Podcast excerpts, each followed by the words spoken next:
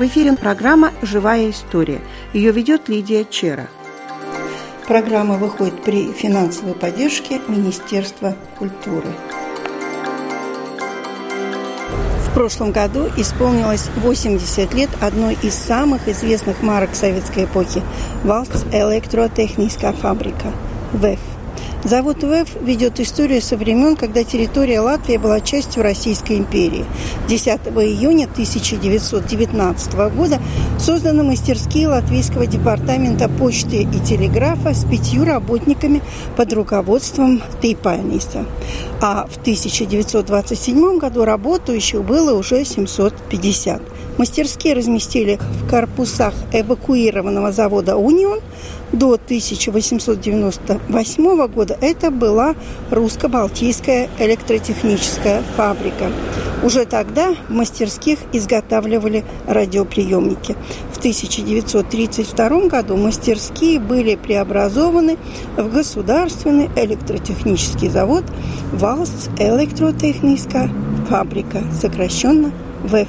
За годы существования завод выпускал станки, насосы, провода и кабели, трансформаторы и электромоторы, ветрогенераторы, утюги, пылесосы, обогреватели, кинопроекторы, коммутаторы и телефонные станции, телефоны, радиоприемники и детали для них, радиоаппаратуру для армии. Собрали даже несколько самолетов.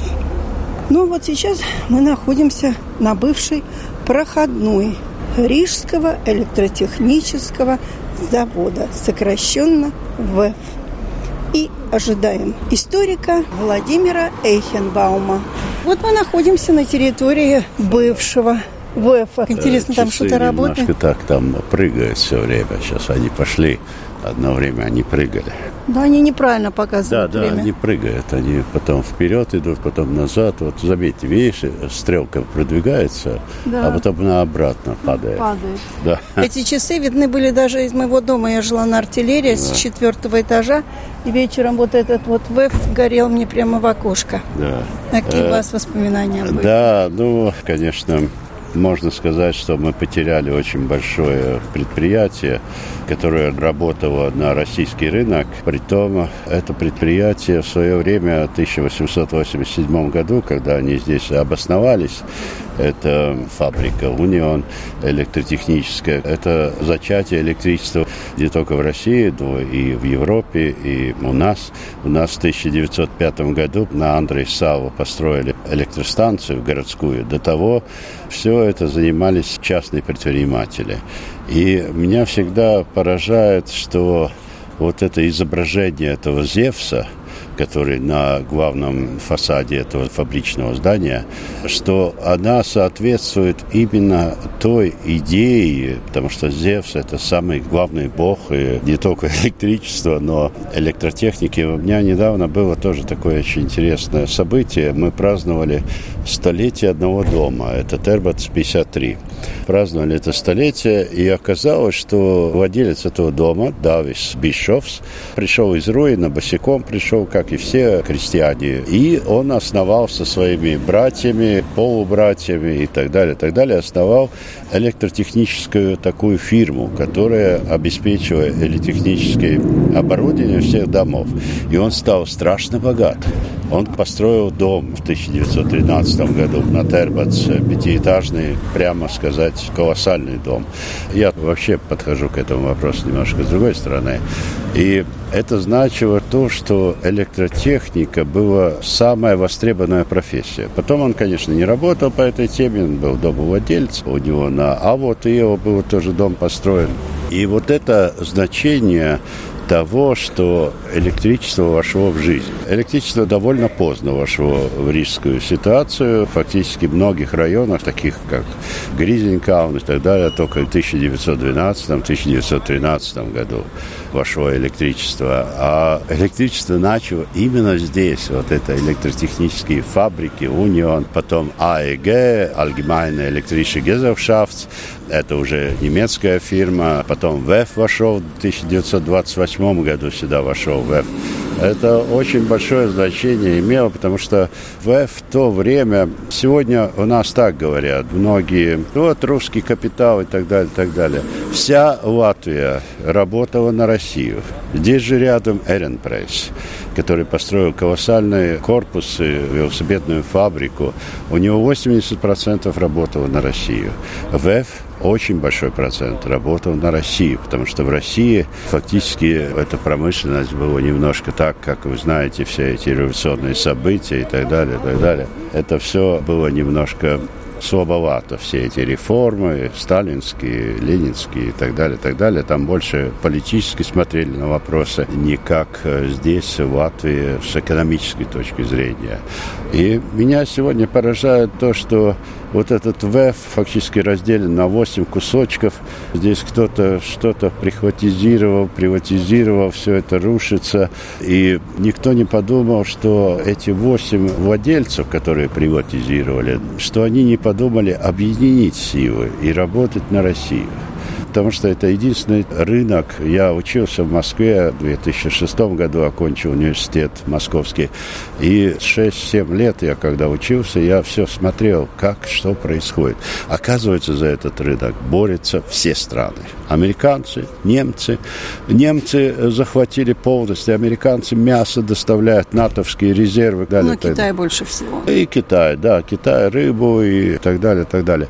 И вот сегодняшние политики, они смотрят совершенно с другой точки зрения, они смотрят с политической. Но ВЭФ его спасло в советское время. Я изучал некоторые вопросы э, вообще восстановления фабрик и заводов в советское время, когда все произошло. Фактически Советский Союз спас латвийскую промышленность. Изготовляли самолеты. Но это, Несколько. Да, но это производство было очень узкое. В основном они, конечно, изготовляли радиоаппараты, которые котировались по всему миру. Ну, это в какой год взять? И здесь появляется то, что мы не поняли суть этого дела. Конечно, сегодня наш бы конкурировали японцы с радиотехникой, китайцы и тому подобное. Мы не способны. Но когда мы жили в Советском Союзе, конечно, были доставлены лампы, другие разные, да, разные материалы. С сегодняшней точки зрения меня только поражает то, что ВЭФ разделился, но он перестал существовать как конкурирующая фирма на международном рынке. Ну, это абсолютно без да. вариантов. Да. Но я хотел бы добавить то, что мы, имея сейчас правительство Ушакова, правительство города Риги, думает о русском рынке. Основное правительство не думает о русском рынке. Благодаря русскому рынку вот и стали баснословно богатые. После 1905 года Октябрьского манифеста императора Николая II произошло очень большое движение, фактически сдвиг от немецких русских купцов к латышским купцам. И латышские купцы с 1905 по 1914 год фактически купили всю Ригу. Недовольны были как и русские купцы, в основном староверы, так и немцы. Немцы вообще не были довольны этим моментом.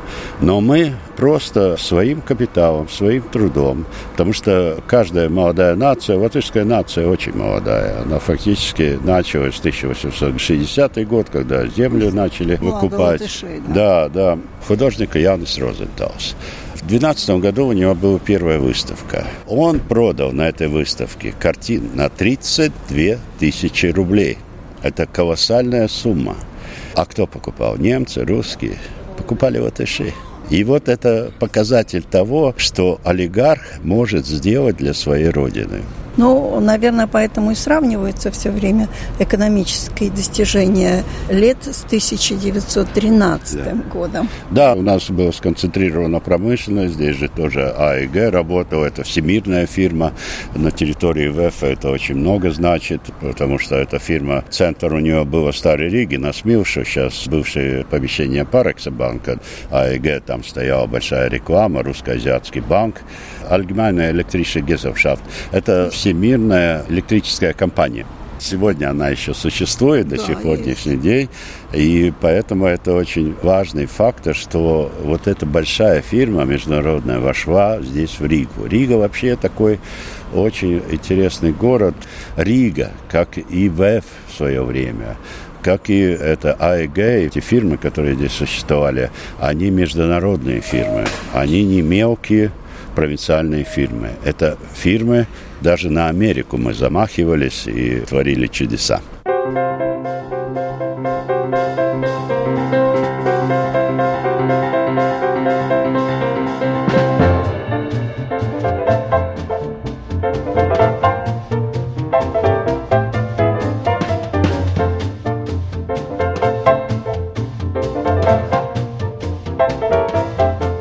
Позволю себе напомнить, как в советское время представляли ВЭФ. Производственное объединение ВЭФ – один из самых крупных заводов Латвийской Республики и флагман всей электронной промышленности нашей необъятной Родины – Продукция завода ВЭФ хорошо известна и популярна как у нас в стране, так и далеко за ее пределами. Радиоприемники с маркой ВЭФ слушают от морозной Чукотки до дружественной и солнечной Кубы. Телефонные аппараты, современные телефонные станции обеспечивают надежную и бесперебойную связь во всех уголках страны. Самые современные разработки обеспечивают научно-исследовательский институт предприятия. Его последняя разработка – это система перевода речей, которая установлена в Московском дворце съездов. На ВЭФе трудится дружный многотысячный коллектив, для которого завод стал вторым домом и частью жизни. Но это и не удивительно, ведь предприятие заботится о своих работниках, а сам завод уже давно превратился в настоящий город.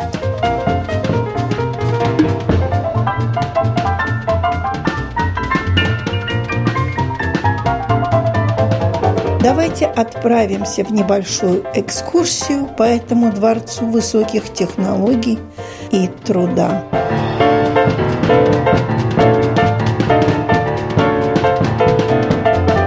На главной улице латвийской столицы расположен исторический фасад предприятия. Тут нас встречает скульптура бога электричества, держащего в руках молнии, которые ночью светятся неоном. Завод ВЭФ это закрытая территория. Попасть на предприятие можно только по пропуску, который нам любезно оформили через дорогу в отделе кадров. Кстати, тут же находится спортивный комплекс завода, где трудящиеся их дети могут заняться многими видами спорта. Различные кружки и секции, плавательный бассейн, спортзал – все это финансируется заводом. Также в нескольких сотах метров от завода расположено красивейшее здание Риги, в котором расположился дворец культуры завода ВЭФ. Тут проходят разные культурные мероприятия, концерты, театральные постановки. Работают разные общества по интересам, в которых после трудового дня с удовольствием проводят время трудящиеся предприятия, а в новогодние праздники Тут проводится красочная елка для детей. Завод В всегда заботился о своем будущем. В заводском профессиональном училище имени Гайлес учатся будущие слесари, электромонтажники, токари, фрезеровщики, регулировщики электронной аппаратуры и операторы станков, которые проходят практику прямо на заводе, чтобы по окончании учебы влиться в дружный коллектив завода.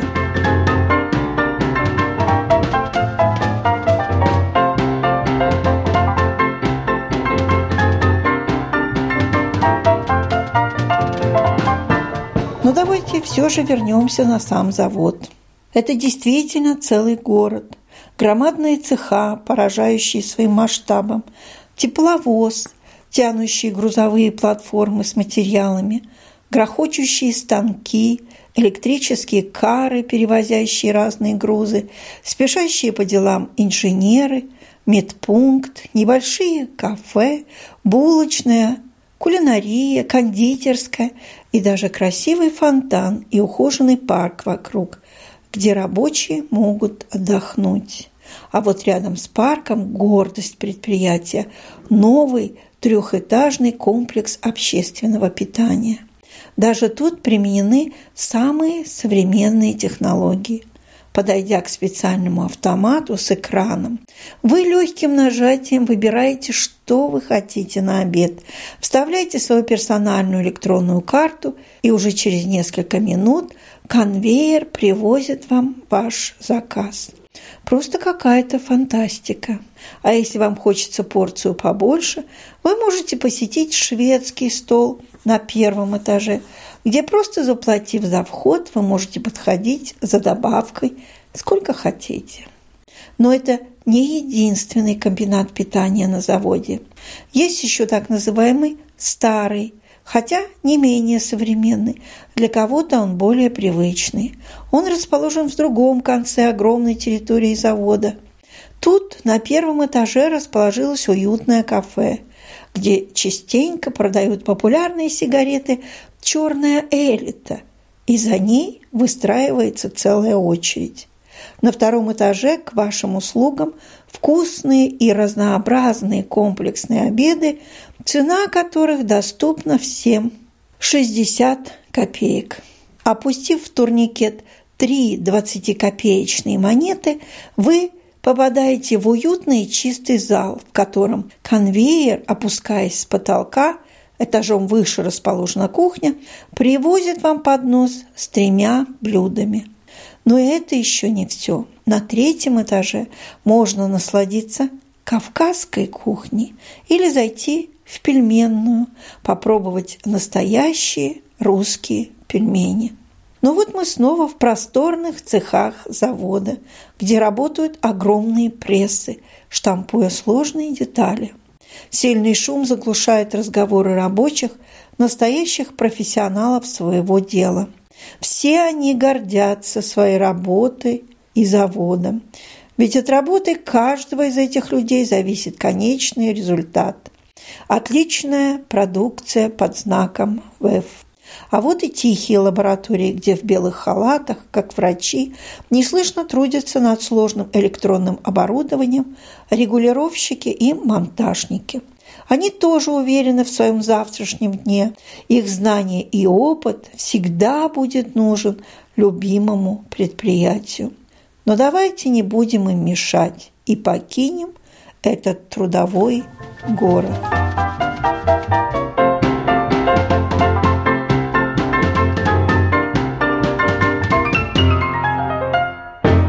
Нас ждет еще одна проходная, где, показав охране пропуск, мы покидаем завод и оказываемся в современном рижском микрорайоне Пурвцемс. Тут находится заводской детский сад, в котором весело играются дети, пока их мамы и папы трудятся. Тут же рядышком многоэтажная заводская поликлиника – где принимают врачи всех направлений. А еще у завода есть свой санаторий и летние домики на красивейшей реке Гауе, где могут провести свой летний отпуск все трудящиеся. Вот и конец этой картинки, сказки, какой был ВЭФ. Но еще один рассказ о ВЭФе – это рассказ о фотоаппарате Минокс, разработанный ЦАПом в 1936 году. Он известен как шпионский.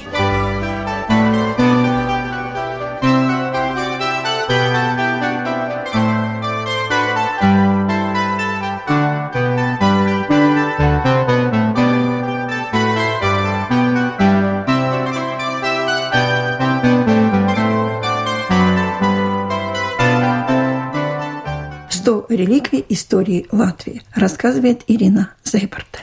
Одна из реликвий, которую мы хотели отметить особо, это миниатюрный фотоаппарат VEF Minox. Легендарная вещь легендарной она стала сразу почти после своего изобретения, выпуска в 1930-е годы. И легендой продолжал быть этот фотоаппарат и после войны, когда его в Советском Союзе, в Советской Латвии никто и не видел, кроме коллекционеров. И легендой продолжает быть это изобретение и по сей день. Потому что не говорят только о том, что это вещь, которой могут гордиться в Латвии, это первая в мире миниатюрная фотокамера.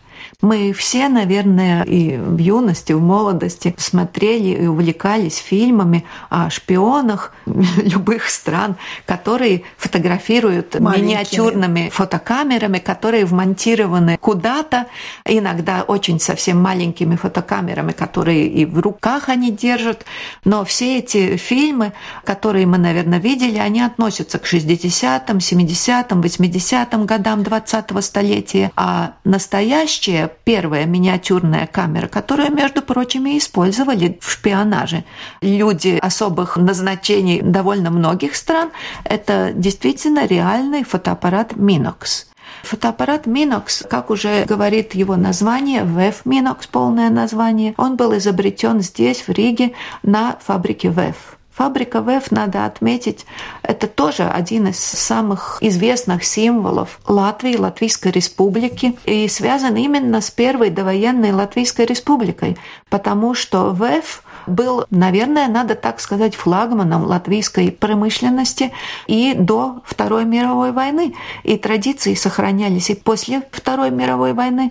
И в Советском Союзе ВЭФ был э, флагманом промышленности, который до сих пор, я думаю, ассоциируется у многих слушателей с такими предметами, как радиоприемники разные, и такие, которые стационарные, и которые были уже в 70-е, 80-е годы транзисторами, то есть уже криком моды в то время. Наверное, все мы помним, как э, была мода ходить с транзистором в Со руке. спидулой. И спидула, конечно, да. Это самая, наверное, уже узнаваемая вещь, которая была узнаваема не только в советской Латвии, но и во всем Советском Союзе. Я думаю, очень многие знают и помнят телефоны ВЭФ. До мобильной эры это тоже был один из самых известных телефонных аппаратов, на которые можно было положиться но, между прочим, они имели знак качества в то время. Надежные Но, были да, аппараты. Надежные. Но возвращаемся к ВЭФу до Второй мировой войны. Когда ВЭФ образовался, укрепился, на этой фабрике ВЭФ, на электротехнической фабрике, производились очень разные вещи. И надо тогда сказать, от этого миниатюрного фотоаппарата, о котором мы сегодня говорим, до самолета. Да-да, именно до самолета. Ведь в конце 30-х годов маркой ВЭФ, символом ВЭФ, были украшены и несколько самолетов, которые и изобрел изобретатель Ирбитис. И говоря конкретно о этом миниатюрном аппарате, несколько лет конструктор Ирбита шел к этому изобретению, и конструктор Валтер Сцапс, который является автором этого изобретения, он несколько лет над ним работал, и несколько лет этот аппарат проходил режим теста в электротехнической фабрике. То, что касается Минокса. То, что касается Минокса. И у нас в музее хранятся воспоминания одного из работников ВЭФа, который вспоминает о том, что сотрудникам ВЭФа эта камера миниатюрная Минокс выдавалась для тестирования, и они в течение определенного времени имели право фотографировать этой фотокамерой и в своей, как сказать, частной жизни, чтобы потом проверять то, что вышло, эти фотографии, проводить режим теста и проверять, что еще нужно улучшить, улучшить в этом аппарате. Но в любом случае, начиная с 1938 года на фабрике ВЭФ этот фотоаппарат уже производился в промышленном ритме как массовая продукция. Этот самый первый миниатюрный аппарат в мире весил 125 граммов, а размеры его были 7,9 сантиметров в длину, 2,7 сантиметра в ширину, и толщина была полтора сантиметра. Так что, если успели записать, 7,9 на 2,7 и толщиной полтора сантиметра можете нарисовать такой прямоугольник и представить себе, насколько маленьким для того времени был этот фотоаппарат. Но цена была очень высокой. Э, цена была довольно высокой. Но в то время 248 лат это было очень-очень много. И все-таки я хочу возвратиться к техническим возможностям, которые в то время были ну, потрясающими. Пленка была очень маленькой, узкой, но можно было сфотографировать 50 кадров. Как мы помним, может быть, со времен 80-х, 90-х годов, то у нас были пленки до 36 кадров. Да. А у Минокса было 50 кадров. Фотографировать можно было с расстояния 20 сантиметров. Так что можете представить, этот э, фотоаппарат Минокс, он действительно мог быть героем шпионских фильмов.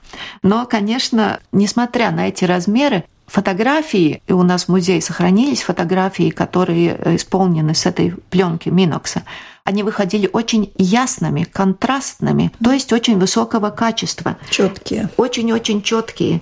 На фотоаппаратах гравировка Made in Latvia, символ ВЭФ, всем знакомый такой в полукружке, и я думаю, что этот фотоаппарат мог бы быть предметом, которым очень бы гордилась Латвийская республика, но, к сожалению, в 1939 году началась Вторая мировая война. Производство продолжалось и во время немецкой оккупации до 1943 года. И в 1943 году производственные все мощности, на которых производился этот миниатюрный фотоаппарат, были вывезены в Германию. Валтер Сцапс уже с 1941 года жил в Германии, и после войны он образовал в Германии свою частную фирму Minox, которая продолжала и до сих пор продолжает производить фотоаппараты под маркой Minox. К сожалению, политические перемены, когда Латвия потеряла свою независимость, помешали и ВФ Минокс стать лицом, маркой Латвийской Республики настолько, насколько этот фотоаппарат действительно заслуживает. У нас в музее хранится несколько фотоаппаратов Минокс и несколько принадлежностей. Пленка, кассеты, кожаные футляры и для печатания, и такие вещи, которые мы действительно считаем реликвиями. Потому что этими вещами можно гордиться. Спасибо. У микрофона была историк Ирина Зейб. На этом наша программа заканчивается. Всего вам доброго.